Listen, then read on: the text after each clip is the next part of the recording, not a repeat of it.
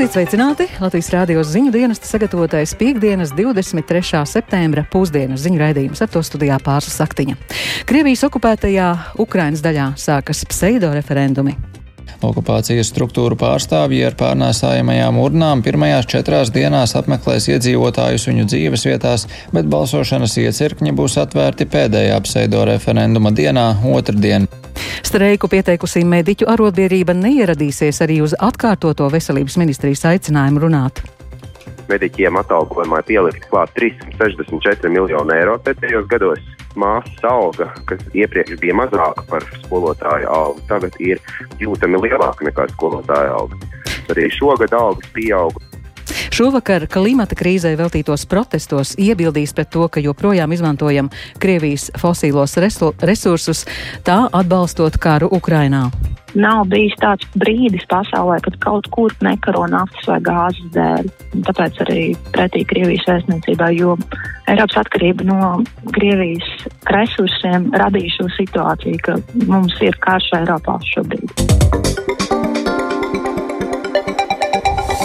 Šī un cita temata turpinājumā plašāk. Krievijas okupētajā Ukrainas daļā sākušies pseido referendumi par pievienošanos Krievijai, un tie ilgs piecas dienas. Pseido referendumu rīkošanu okupētajās Donetskas, Luhanskas, Zaporīžas un Hersons apgabalu daļās nosodījusi Kieva un Rietumi, kas šo farsu negrasās atzīt par leģitīmu balsošanu, nedz ņemt vērā tā iznākumu. Turpinoties daļējai mobilizācijai Krievijā, Ukrainas prezidents Valdimirs Zelenskis aicinājis Krievijas iedzīvotājus protestēt ja viņi negrib zaudēt vēl vairāk cilvēku karā. Un plašāk stāsta Rihards Plūme. Donetskas un Luhanskas apgabalos, ko Maskava jau ir atzinusi par republikām, pseido referendumos tiks uzdots jautājums, vai jūs esat par republikas iestāšanos Krievijas federācijā ar federācijas subjekta tiesībām. Jautājums Krievijas sagrābtajās Zaporīžijas un Hersonas apgabalu daļās būs cits. Vai jūs esat par to, lai apgabals izstātos no Ukrainas sastāva un izveidotu patstāvīgu valsti, kas iestātos Krievijas federācijā ar federācijas subjekta tiesībām? Kā norāda Kremļa propagandas medijas, tas, ņemot vērā īsos termiņus un tehnisko iekārtu trūkumu, tika nolemts nerīkot elektronisko balsošanu un izmantot tradicionālos papīra biļetenus. Okupācijas struktūru pārstāvji ar pārnēsājamajām urnām pirmajās četrās dienās apmeklēs iedzīvotājus viņu dzīves vietās, bet balsošanas iecirkņi būs atvērti pēdējā pseido referenduma dienā, otrdien. Rezultātus plānots publicēt otrdien vai trešdien. Nevienam nav šaubu, ka pseido referendumos atbilstoši Kremļa versijai tiks atbalstīta pievienošanās Krievijai. Savukārt analītiķi brīdina, ka tam sekojošā formālā aneksija konfliktā var izraisīt jaunu eskalāciju. Ukrainas amatpersonas iepriekš norādījušas, ka pseido referendumi pamatā vajadzīgi Krievijas sabiedriskās domas ietekmēšanai, lai pēc sakāvēm kaujas laukā Ukrainā attaisnotu mobilizāciju. Ukrainas prezidents Valdemirs Zelenskis nosodījis pseido referendumus kā farsu un cildinājis rietumus, kas nosodījuši šīs Maskavas izdarības. Turpinoties daļējai mobilizācijai Krievijā, Krievijas armija ceturtdien paziņoja, ka vismaz desmit tūkstoši cilvēku brīvprātīgi pieteikušies karot Ukrainā aptuveni 24 stundas pēc tam, kad prezidents Putins lika mobilizēt rezervistus. Ukrainas prezidents aicinājis Krievijas iedzīvotājus protestēt, ja viņi negrib zaudēt vēl vairāk cilvēku karā объясню русским по-русски Что происходит? Paskaidrošu krieviem krieviski, kas notiek. Krievijas pilsētās notika protesti pret mobilizāciju, lai arī ne masveidīgi, bet tie bija un ir. Un tas ir rādītājs ne tikai Maskavā un Sanktpēterburgā. Mēs zinām reālo noskaņojumu Krievijas reģionos. Mēs redzam, ka cilvēki Dagestānā, Burjatijā, citās Krievijas Nacionālajās republikās un apgabalos saprot, ka viņus vienkārši uzmeta. Uzmeta, raidot nāvē. Kāpēc, piemēram, Dagestāniešiem vai kādam citam jāiet bojā Harkivas apgabalā vai pie Donetskas. Tāpēc, ka viens cilvēks Krievijā tā ir izlēmis par visiem Krievijas pilsoņiem. Nav cita iemesla. Viņš tā grib. Нет другой причины. Так он хочет. Prezidenta biroja vadītājs Andrijs Jermaks izteicies, ka mobilizācija Krievijas budžetam izmaksās vismaz 1,3 triljonus rubļu gadā. Ukrainas prezidenta biroja padomnieks Oleksijas Arestovičs minējis, ka mobilizētie karavīri būs vairāk vai mazāk spējīgi tajās vietās, kur ir saglabājies personāla kodols. Pēc Arestoviča domām draudi par otro ofensīvu pret Kievu saglabāsies, ja otrais rezervju papildināšanas vilnis būs veiksmīgs. Bet kopumā Krievijas militārais potenciāls visticamāk ne netiks galā ar šādu jauniesaukto pieplūdumu, teica Arestovičs. Krieviem nesot resursu jaunu formējumu veidošanai jaunāko virsnieku trūkuma dēļ. Rihards Plūme, Latvijas radio. Šo svētdienu Itālijā notiks vēlēšanas un izšķirsies, vai par Itālijas nākamo premjerministri varētu kļūt galēji labējās partijas Itālijas brāļa vadītāja Džordžija Meloni. Iedzīvotāja aptaujas dati liecina, ka viņas vadītā konservatīvo un galēji labējo spēku koalīcija varētu nāk, nonākt pie varas. Tas liek uzdot jautājums par to, kādas varētu būt Romas turpmākās attiecības ar Briseli, Kijevu un Maskavu. Savukārt kreisie politiķi cer piesaistīt daļu no lielā neizlēmušo vēlētāju skaita. Un plašāk Artjoma Konahova sagatavotajā ierakstā. Džordža! Džordžija Miloni ir ieradusies Itālijas dienvidos un netālu no Neapolis tiekas ar saviem atbalstītājiem. Vietējais iedzīvotājs Emīlio saka, ka partijas Itālijas brāļa vadītāji viņam iet pie sirds. Tāpat domā Milēna. Mēs ticam Džordžijai, mēs ticam viņas vērtībām un ticam, ka viņa var atdzīvināt Itāliju. Daudziem Itālijas brāļu atbalstītājiem patīk šīs partijas stingrā nostāja pret imigrantiem, kuri pa vidusjūru ierodas viņu valstī. Tādēļ Melonī kaismīgi sola novērst laivu plūsmu no Āfrikas valstīm. Uz Melonī tikšanos ar vēlētājiem ir atnākuši arī jaunieši, kuri grib paust savu protestu pret šīs partijas konservatīvajiem uzskatiem. Attieksme pret migrāciju, cilvēktiesībām un arī ekonomiku var ietekmēt ne tikai Itālijas vēlētāju noskaņojumu, bet arī iespējamās nākamās valdības attiecības ar pārējām Eiropas Savienības un NATO valstīm. Gal galā Itālija ir trešā lielākā ekonomika Eirozonā. Tomēr tās lielais ārējais parāds var apdraudēt valsts finanšu stabilitāti un atstāt ietekmi uz pārējām Eiropas Savienības valstīm. Meloni ir daudz strādājusi, lai mainītu savas partijas tēlu. Organizācija, kas savulaik cēlās no fašistu diktatora Musolīnī atbalstītāja loka, tagad ir krietni mērenāka. Meloni saka, ka viņas partija pat nav eiroskeptiska. Es gribētu atzīmēt, ka esmu Eiropas partijas vadītāja un mums ir daudz kontaktu Eiropā. Es domāju, aiz lielas daļas no tās kritikas, ko mēs saņemam Eiropā, stāv Itālijas kreisie. Kreisiem spārnam šajās vēlēšanās neklājas pārāk labi, un tādēļ viņi mēģina saņemt palīdzību no ārzemēm. Viņi pie tā ir pieraduši. Bet, ziniet, mēs neesam otrās šķiras biedri nec Eiropas Savienībā, nec NATO, nec citās starptautiskās organizācijās. Pret Itāliju nevar izturēties kā pret pelnu šķīti. Tādēļ visiem būs jārunā ar to valdību, kas būs pie varas. Kopš Ukrainas kara sākuma Meloni ir stingri nosodījusi Krievijas rīcību un atbalstījusi Kīvu. Tomēr viņas iespējamās koalīcijas partneri Silvio Berlusconi un Mateo Salvini vēl netik sen bija diezgan draudzīgās attiecībās ar Kremli. Krievijas vēstniecība nesen pat ir publicējusi fotogrāfijas ar tās prezidentu Vladimiru Putinu un gandrīz visu lielāko Itālijas partiju līderiem, izņemot Meloni. Salvini saka, ka tagad viņš ir mainījis uzskatus par Putinu. Kaut gan vēl nesen viņš paziņoja, ka Eiropas sankcijas pret Krieviju nedarbojas. Es vienmēr esmu teicis, ka karš maina skatījumu uz lietām. Tomēr Demokrātiskās partijas vadītājs Enrico Letta, kurš pieder pie kreisā bloka, apgalvo, ka pārāk daudz Itālijas politiķi atsakās ieņemt skaidru nostāju Krievijas jautājumā. Itālija nevar ieņemt divdomīgu pozīciju. Šādos jautājumos nevar būt vietas nenoteiktībai. Itālija nav kopā ar Krieviju. Itālija ir pret Krieviju un tās mēģinājumiem pārkāpt starptautiskos likumus. Leta un viņa sabiedrotie cer uz aptuveni 45% neizlēmušo vēlētāju. Viņu rīcība varētu izšķirt turpmāko Itālijas kursu un tās vietu Eiropā. Arčuns Konahaus Latvijas Rādio Briselē.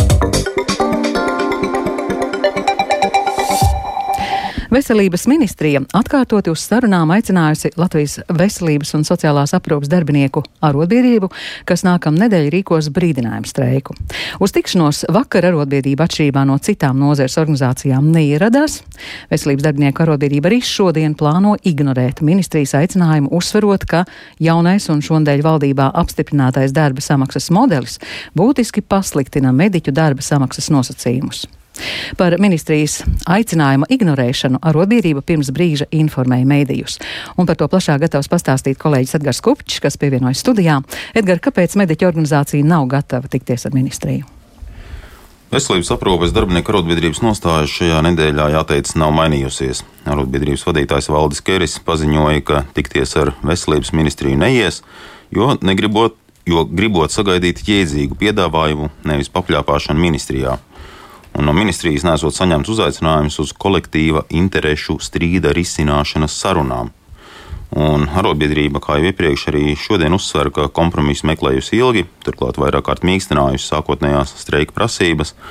Un, kā piemērs min, ka pirms pieciem gadiem tā laika valdība solīja, ka ārsta alga nākamajā gadā, 2023. sasniegs gandrīz 2,5 eiro, bet ministrijas šīs nedēļas piedāvājumā tā būs par 308 eiro mazāka.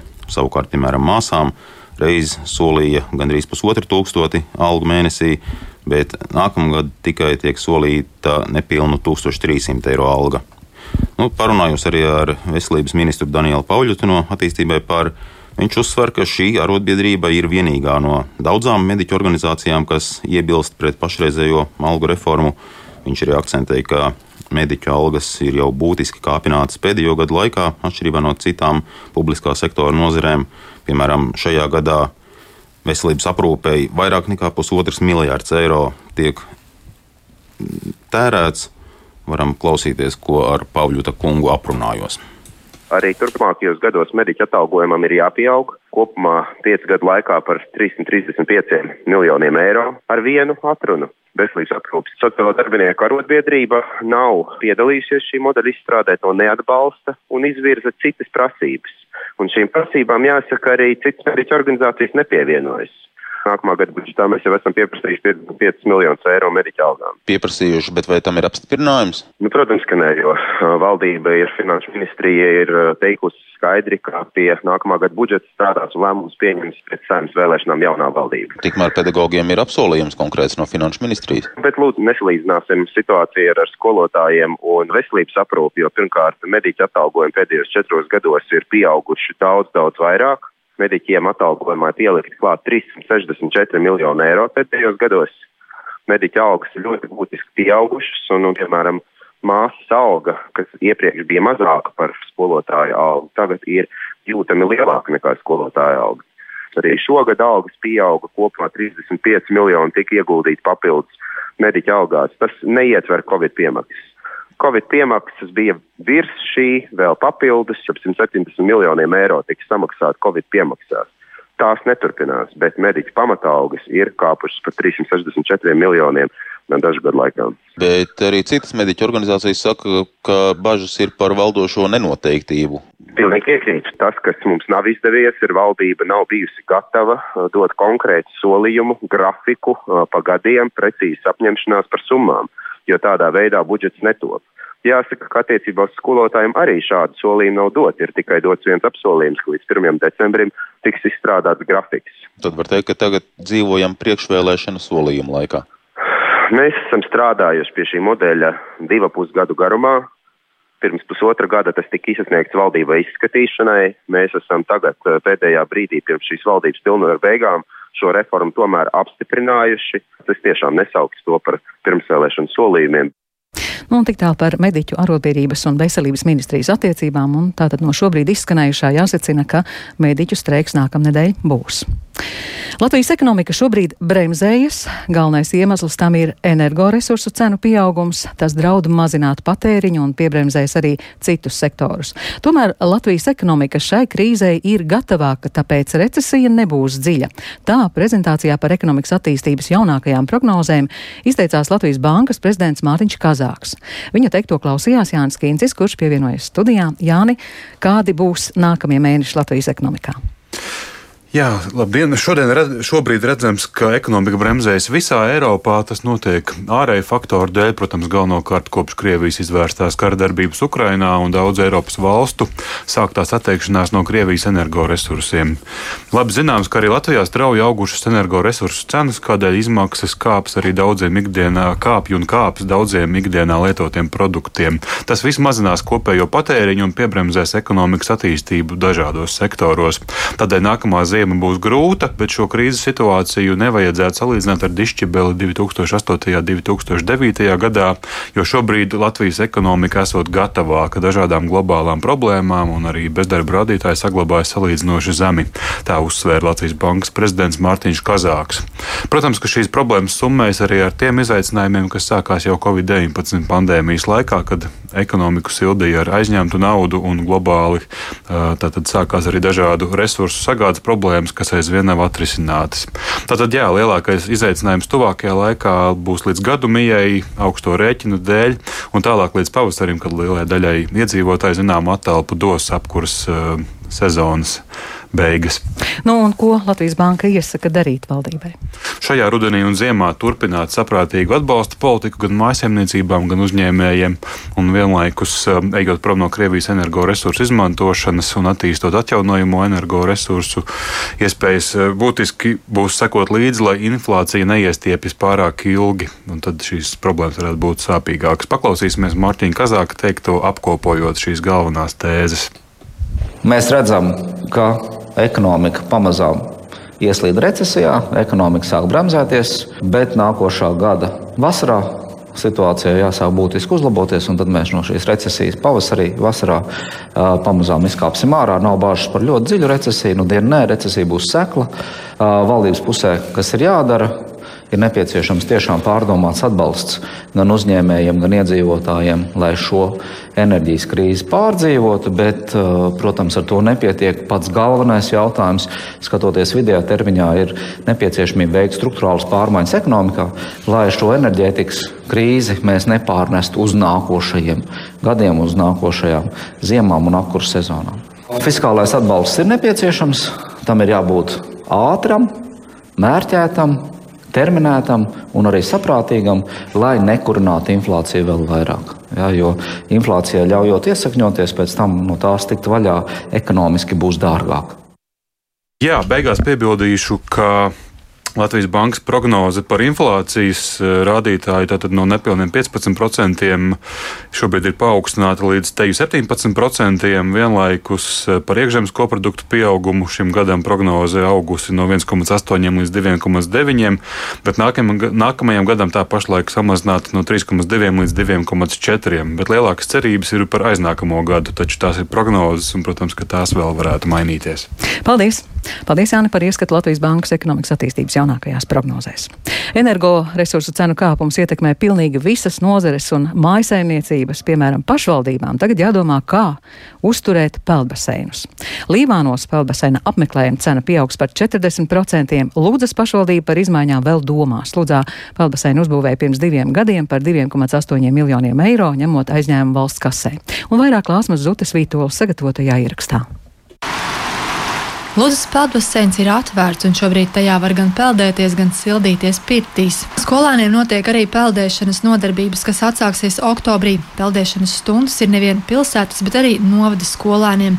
Peldbaseina galvenā administratore Olita Laganovska stāsta, ka Lūdzas peldbaseinu apmeklē cilvēki arī no blakus esošajām pašvaldībām. Peldēties nāk arī seniori. Apmeklētāju skaits gan esot mainīgs. Vidēji dienā kaut kur ap simt cilvēki, bet sākoties peldsezonai, eh, tad apmeklētāju skaits ir krasi samazinājies. Peldbaseins tika atklāts 2020. gada sākumā, un jāteic, baseins ilgstošā periodā nav varējis nemaz strādāt normālā režīmā.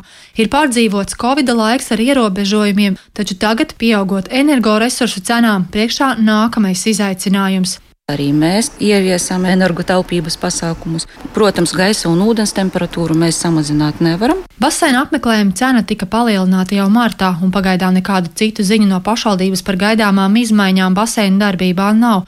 Taču, kā norāda novadu pašvaldības izpildu direktors Sergejs Jakovļevs, par to tiks domāts jau tuvākajā laikā. Līdz jaunajam gadam pašvaldībai ir noslēgts izdevīgs līgums par elektrības piegādi, taču no jaunā gada cena būtiski pieaugs, un ar to ir jārēķinās. Nu, vai turpmāk darbināt viņu, vai nu tomēr no jaunā gada, vai, vai vēl pat ātrāk pārtraukt pakalpojumu. Savukārt Līvānos peldbaseinu uzturēšanai šogad ieplānoti 170 tūkstoši eiro no pašvaldības budžeta. Lai iekļautos šai summai, ir ieviesis taupības režīms, kurien iespējams ekonomē stāsta Līvānu pirmās vidusskolas direktors Gatis Pastars. Baseins apmeklētājiem oktobrī kļūs dārgāks par aptuveni 40%. Kā uzsver Līvānu pirmās vidusskolas direktors, ir svarīgi, lai peldbaseins turpinātu darbību skolēnu dēļ. Ja tas cenu kāpums būs neierobežots un nekontrolēts, tad loģiski, ka vienā brīdī mēs varam apsēsties pie galda un skatīties, ko mēs darām tālāk. Taču šobrīd par to netiek domāts. Iedzīvotājiem vien jārēķinās, ka pieaugs apmeklējuma cena. Lūdzās savukārt par izmaiņām vēl spriedīs. Lāsma Zuta Vītola Latvijas radio studija Latgalē. Šodien Rīgā, tāpat kā visā pasaulē, notiks pikets, lai pievērstu uzmanību globālajai klimata krīzei. Organizācija Friday for Future Latvija To rīkos kongresnam laukumā pretī Krievijas vēstniecībai, aktualizējot to, ka mēs joprojām izmantojam Krievijas fosilos resursus, tā atbalstot karu Ukrainā. Un par to plašāk stāsta organizācijas pārstāve Santa Skuiņa, un ar viņu sarunājās Linda Spundiņa. Protesta akcija ir daļa globālā klimata streika. Nu jau šobrīd šķiet četrus gadus, diemžēl. Šie globālie streiki notiek visā pasaulē vienotā norunātā laikā. Un uh, jēga un mērķis ir pievērst uzmanību tam, ka mēs dzīvojam būtībā laikā, kurā jau ir faktiski klimata krīze. Mēs jau šobrīd esam krīzes stāvoklī un ir ļoti, ļoti steidzami jārīkojas um, valdību līmenī, lai kaut ko vēl saglābtu. Ko Latvija var darīt situācijas labā? Kas Latvijai noteikti ir ļoti sāpīgs, ir um, nesenās izmaiņas saistībā ar koku ciršanas uh, ierobežojumiem, jo, diemžēl, Eiropas Savienība ir izdomājusi, ka, lūk, dedzināt koksni elektrības ieguvēji ir zaļā enerģija, jo koki taču kaut kad nebūtu atauga, un tāpēc šobrīd ļoti, ļoti ir jāciet uz Igaunijas dabu, un tagad pēc šiem pārmaiņām šos ar uh, arī Latvijas mežiem draud diezgan nepatīkams pārmaiņas. Kādi ir alternatīvie enerģijas resursi, ko jūs atbalstītu? Noteikti vēja un saules enerģijā ir jāiegulda daudz vairāk un nedrīkst būt situācija, ka tiek subsidēta vienkārši brutāla koksnes dedzināšana enerģijas ieguvē. Tīpaši tagadējā situācijā saistībā jau ar to, ka Krievijas gāze nav pieejama, tas, ka Latvijas vidusmēra cilvēkam, kuram ir mākslas apkuri vai konkurēt ar savu pirktspēju ar Skandināvijas valstu, Nīderlandes, šīm koģenerācijas stacijām, kas pērk kūksnes biomasu elektrībai, tas, tas ir absurds. Mums stāsta, ka mums ir augsta ziema un ka mums ceļās cenas kara dēļ, bet patiesībā tas ceļas tādēļ, ka šīs koksņu granulu rūpnīcas nevar iepirkt lēto materiālu no Baltkrievijas un Krievijas. Atgādināšu, ka šodien jūs piketējat pretī Krievijas vēstniecībai. Šī vieta izvēlēta ar nolūku. Jā, protams, tas ir ar nolūku, jo Mums ir izveidojusies cieša draudzība sadarbība ar Fridays for Future organizāciju Ukrainā, un uh, viens no vēstījumiem, ko viņi uzsver un arī vairāk cenšas parādīt pasaulē, ir tieši šī ciešā saikne starp naftas un gāzes izmantošanu un apdraudējumu gan demokrātijai, gan arī vispār mieram pasaulē. Jo, ja paraugās tādā šķērsgriezumā pēdējos 50, 60 gadus nav bijis tāds brīdis pasaulē, kad kaut kur nekaro naftas vai gāzes dēļ. Tāpēc arī pretī Krievijas vēstniecībai, jo Eiropas atkarība no Krievijas resursiem radīja šo situāciju, ka mums ir karš Eiropā šobrīd.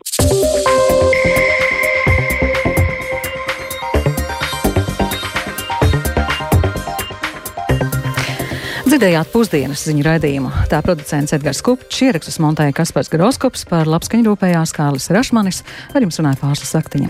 Vēl īsi par svarīgāko. Latvijas banka koriģēja prognozes, ekonomika nākamgad stagnēs, cenas kāps straujāk. Streiku pieteikusi mediķu arotbiedrība neieradīsies arī uz atkārtoto veselības ministrijas aicinājumu runāt. Krievijas okupētajā Ukrainas daļā sākas pseido referendumi. Latvijas rādio ziņām sekojiet arī Latvijas Rādio 1 Facebook lapā un LSMLV. Pēc šī raidījuma atkārtojumu meklējiet raidierakstu platformā Skādienas ziņas un Latvijas Rādio mobilajā lietotnē.